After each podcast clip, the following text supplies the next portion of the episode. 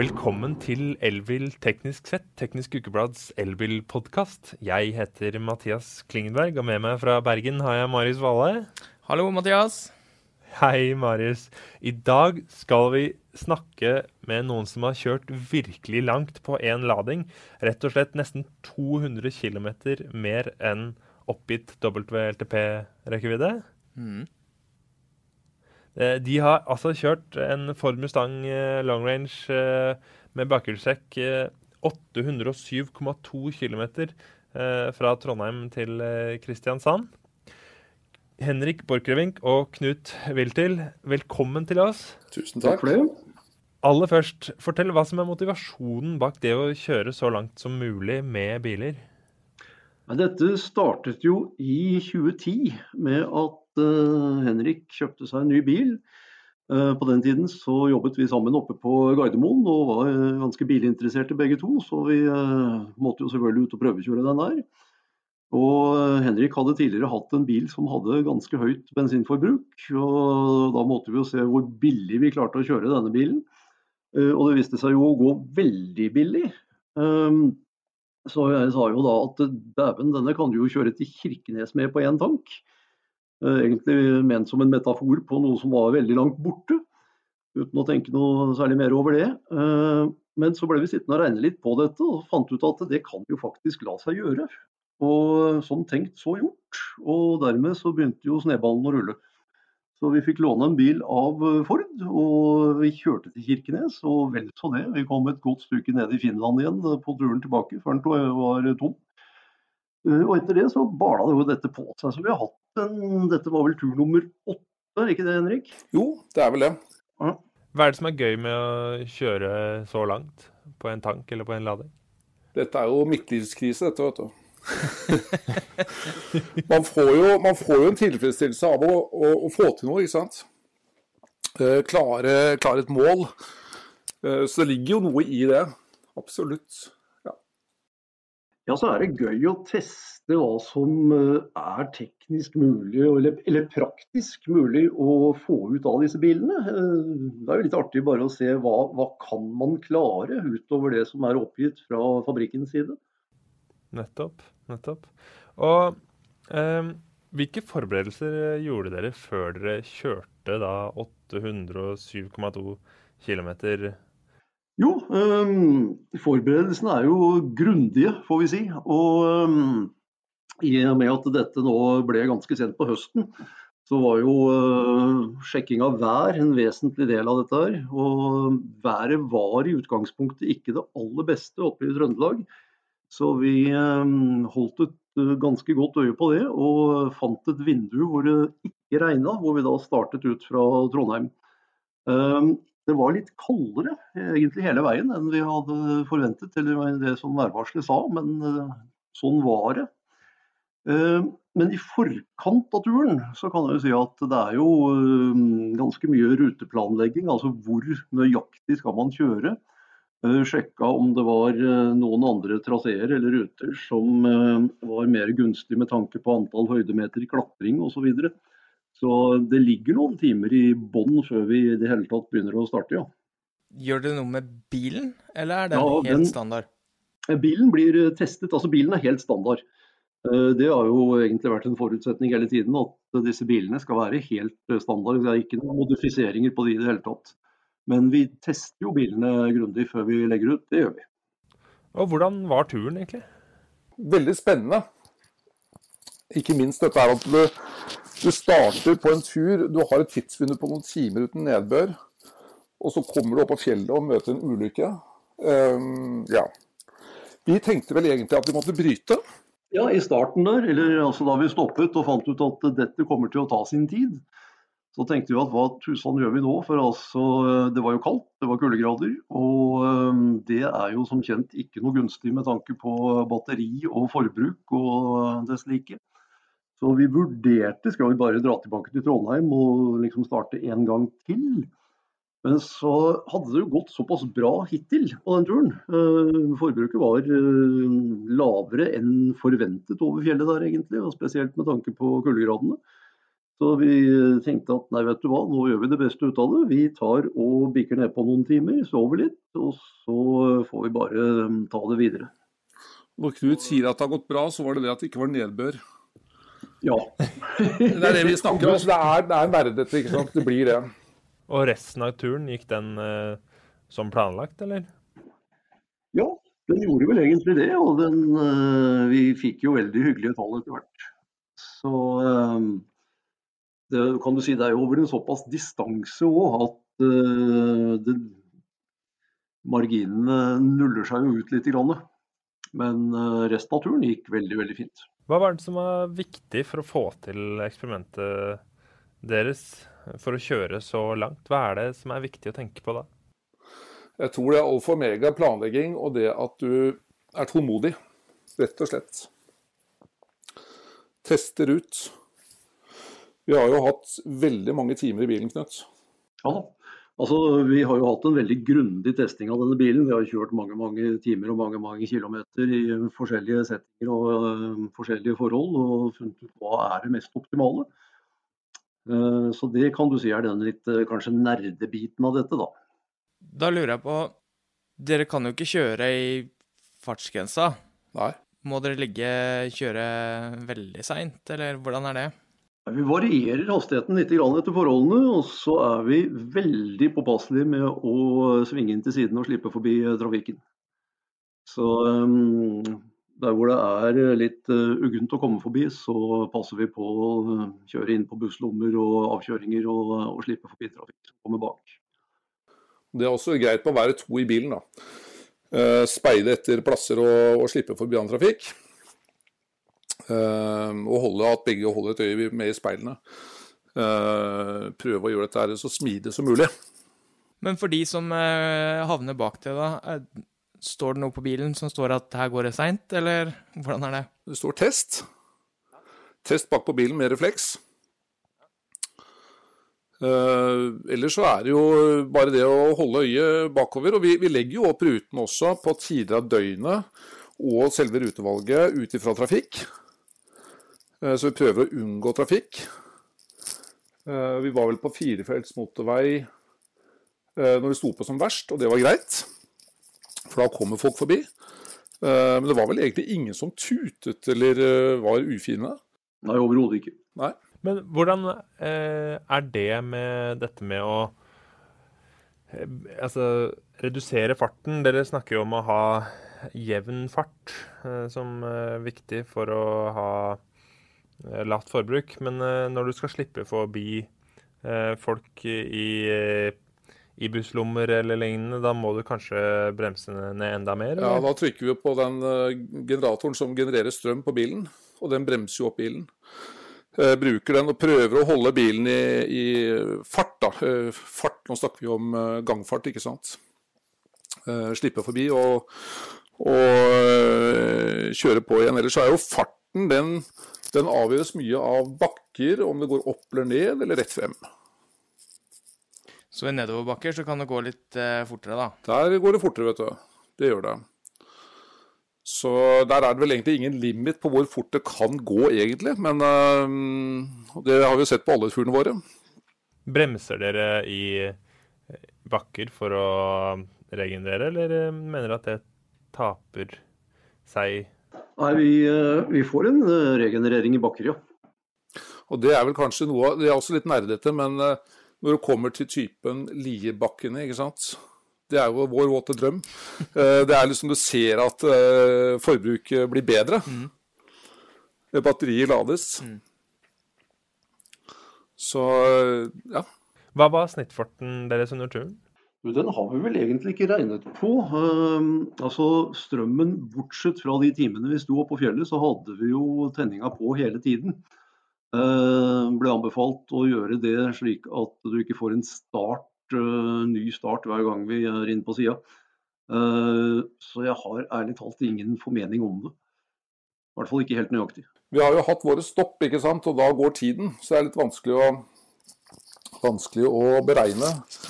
For selve turen brukte vi jo eh, 20, litt over 20 timer på. eh, på 807,2 km. Eh, og det blir jo ikke en reell snitthastighet du får da, i og med at vi har hatt et stopp osv. Men hva lå dere på typisk? eh, Du, det er så vanskelig å vanskelig å si. fordi at, altså du kan si at Hvis du har en liten eh, helning eller en liten nedoverbakke, så justerer vi litt eh, fart i forhold til det. da. Eh, Men det jeg kan si da, det er at hvis du, hvis du har en ordentlig seig motbakke hvor du klatrer, så er liksom det gunstigste vi har kommet frem til på den turen her, da, eh, rundt 45. Men det er liksom akkurat i den bakken. Og gjerne så har du et krabbefelt på siden eller såpass bred veiskulder at du kan, kan legge deg ut der i de tilfellene. da, ikke sant? Men, eh, men det blir jo en høyere hastighet når du kommer ut på flatmark og, og i nedoverbakker. Ja, Så dere kjører i, høy, i høyere hastigheter enn 45 på flatmark? Ja, eh, det kommer litt an på. og Dette her skal du ta litt med i betraktningen. Eh, Hvis det er, eh, hvis det er fine veier, så kan du gjøre det. Men hva skal vi si da? Du ligger, hvis, du, hvis veien heller litt nedover, så kan du holde en litt høyere hastighet enn hvis den går oppover. Så vi er nede i 45 hvis det er en, det er en skikkelig stigning. ikke sant? Så Derfor så sier vi at mellom, mellom 45 og 60. Hvor mange prosent på hver, det, det skal ikke jeg begi meg ut på. Men, men dette her går litt på planleggingen også, tenker jeg. Eh, med alle de kartene du har tilgjengelig på nettet, så kan du finne ut eh, hvor mange høydemeter du klatrer. Du kan finne ut, uh, kan finne ut uh, den ruten med minst høydemeter på, hvilket vi gjorde denne gangen også. eh, Som var et veldig gunstig valg, fordi at på nabofjellet så lå det snø eh, når vi dro, eh, og veien var stengt. Eh, og der har du 300 meter ekstra å klatre. Så vi, vi, eh, vi har jo tatt med dette her i planleggingen eh, med rutevalg, og jeg har lyst til det samme jeg ordet, å linke dette inn på trafikksikkerhet. Fordi at når du planlegger sånn som vi gjør, så vet du hva du kommer til. Og eh, det er ingen overraskelser som, som, som, dukker opp. Du kan holde en jevn, god hastighet.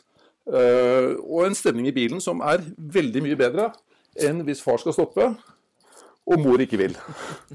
Alle har vært med på planleggingen, ikke sant?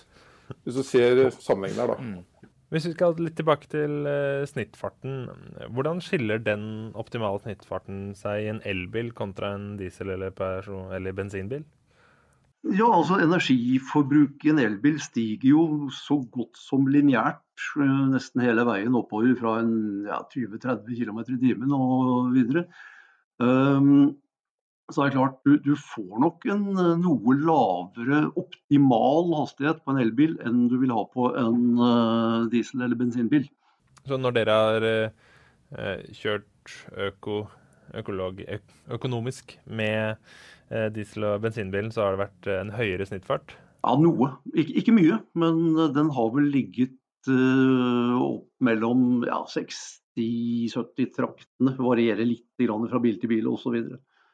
Men også der så har vi jo variert hastigheten, uh, avhengig av forholdene. Så du, du holder jo ikke én hastighet hele veien.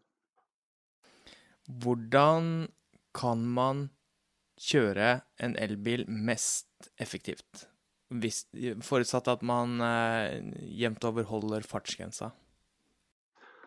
Da tror jeg det er eh, å si, ja, planlegging. altså Hvis du kjører på veier hvor du har kjørt mange ganger før, så er jo ikke det noe tema. Men se langt forover. altså Planlegg kjøringen sånn at du i størst mulig grad unngår å bremse. Og unngå å liksom gi på før du vet at du må bremse ned igjen. Um, det er nok det, det, mest effektive der. altså Prøve å holde en jevn flyt, unngå disse rykk- og napp-greiene. Det er litt på den der planleggingen også, Knut, med, tenker jeg. da, for altså Jeg har kjørt opp og ned til Trondheim noen ganger, men, men, at jeg nå vet høydeforskjellen på de forskjellige rutene, det er jo litt interessant, det også. Uh, og hva vil man se, ikke minst, når man kjører. Ja da. Så mye, mye, mye ligger før du setter deg i bilen, tenker jeg. Ja, definitivt. Jeg har en idé om, og jeg har ikke testa, jeg har ikke undersøkt hva forskjellen er, men jeg har en, i hvert fall en idé om at det er bedre å la bilen rulle eh, enn det er å bruke regenerering. Der er jeg uenig med deg. Um, vi har testet dette en del i disse berømte Liebakkene. Og det kommer kanskje litt an på biltypen osv. Men så vidt jeg kunne se, så er det mer lønnsomt for totalforbruket å regenerere på vei nedover, i stedet for å slippe den løs og la den trille ut. Fordi at uh, du får ikke brukt den overskuddsenergien så veldig langt utover på den skjeletta. Og uh, i hvert fall på denne bilen og en uh, annen bil som jeg har testet der, så har vi fått nesten 2% mer på batteriet på vei nedover. Eh, og det får du ikke altså Du får ikke tilsvarende eh, lang utrullingsstrekke hvis du eh, slipper på med fart. Men det er klart, dette, det er nerdete, og det er spisst og smalt. Og må vel egentlig nesten bare testes i de forskjellige tilfellene, tror jeg. Men på generell basis så tror jeg jeg kan si at det er bedre å lage strøm enn å lage fart. Men igjen så er jeg tror det er litt viktig også dette her at man, man tester ut dette på egen bil, kanskje utenfor en sånn uh, trafikksituasjon. For det, det, det, er så stort fokus på å spare her. Uh, du får liksom forbruksmåleren uh, presentert på et A4-ark til enhver tid, eller en skjerm. Og, og jeg tenker det at Gjør, gjør, deg ferdig med testingen før du drar ut på veien, så du ikke belemrer eh, medtrafikanter med, med dette her eh, når du, når du, er ute og kjører. Uh, ellers så støtter jeg meg til det Knut sier her. Da lurer jeg på hvordan kjører dere i det daglige, da? Uh, har dere veldig fokus på energiforbruk, eller farer det der litt? Det er jo livets skole eller, ja, altså du, Vi er jo veldig bevisst på det fordi at vi driver med dette. her, eh, Men samtidig så er det ikke noe ekstrem i dagliglivet. Eh, dette her er jo noe du tar ut her og nå, den der ekstreme nerdete greiene som vi holder på med. Eh, det hadde jo vært en katastrofe for oss hvis vi kom syv km kortere ned vi gjorde. Da hadde hele turen liksom vært litt, litt ødelagt, syns jeg. Men det som, det som, kanskje har gått opp både for Knut og meg, det er hvor lite du sparer på å kjøre fort. Eller legge bilen da i 15-20 km i timen fortere enn det du strengt tatt trenger. Ja, da skal, du, da skal, du, langt skal det bli noen minutter av det. Men um, for å svare på det spørsmålet om kjøring i dagliglivet, så vil jeg nok si at jeg tar med meg en del av disse tingene. Men det er klart som Henrik også sier, at du, det er ikke den der ekstreme varianten. Slett ikke. Men eh, man, man, tenker jo litt over det. At eh, man liksom prøver å rulle inn mot rundkjøring istedenfor å bremse ned og holde flyten eh, hvis det er mulig. da. Det er sånn som blir en vane, et kjøremønster ikke sant? som du tilegner deg. Uh, uten at du sitter nødvendigvis og tenker så mye over det. Men kanskje den største effekten er den derre Sett deg ned og prøv å regne på hvor mye du uh, henter inn på å kjøre la oss si 20 km i timen fortere. Eh, og det er sant å si ingenting. Ja, Marius, da ser du kanskje meg på veien i 45 km i vinter med boblejakke eh, og vindu åpent. Nei, det er kanskje ikke så lurt. Det er kanskje ikke så lurt å ha vinduet åpent. Nei, da dreier det, vet du. Så um, ja. det, I hvert fall i, kun i korte perioder. For det å kjøre med vinduene åpne, det, det skaper faktisk en god del eh, turbulens og, og mye drag i eh, bilen. Og Så er det ikke noe mål i seg selv å ligge i 45 eller eh, noe sånt. og det er, jeg tenker Finn den hastigheten som du vil planlegge med, og komme frem til det tidspunktet du planlegger. og gjør jobben i forkant på, på nett. Og ta gjerne med deg familien på den biten der. Hvis du skal ut og kjøre langt, så er man enige om og hva man skal gjøre. Og som sagt, eh, har alle den samme oppfattelsen av hva som skal skje, så blir turen veldig mye hyggeligere. Uh, og så, så, er det litt snakk om å kose seg også. Uh, kose seg på turen. Jeg ser at når Knut og jeg har vært ute, så stemningen i bilen har mye å si for hvordan vi har det. Men vi er like gærent skrudd sammen, så vi skal liksom ha oversikt over hvert eneste kryss og rundkjøring vi kan komme til. ikke sant? Så vi skal da planlegge på vår nerdete måte. Ehm, men ellers så tenker jeg at livsglede det er ikke en stasjon du kommer til, men det er en måte å reise på. Henrik eh, Borchgrevink og Knut Wiltel, tusen takk for at eh, dere var med. Jo, selv takk. Takk, takk. Vi er tilbake neste uke. Tusen takk for at du hørte på. Ha det bra.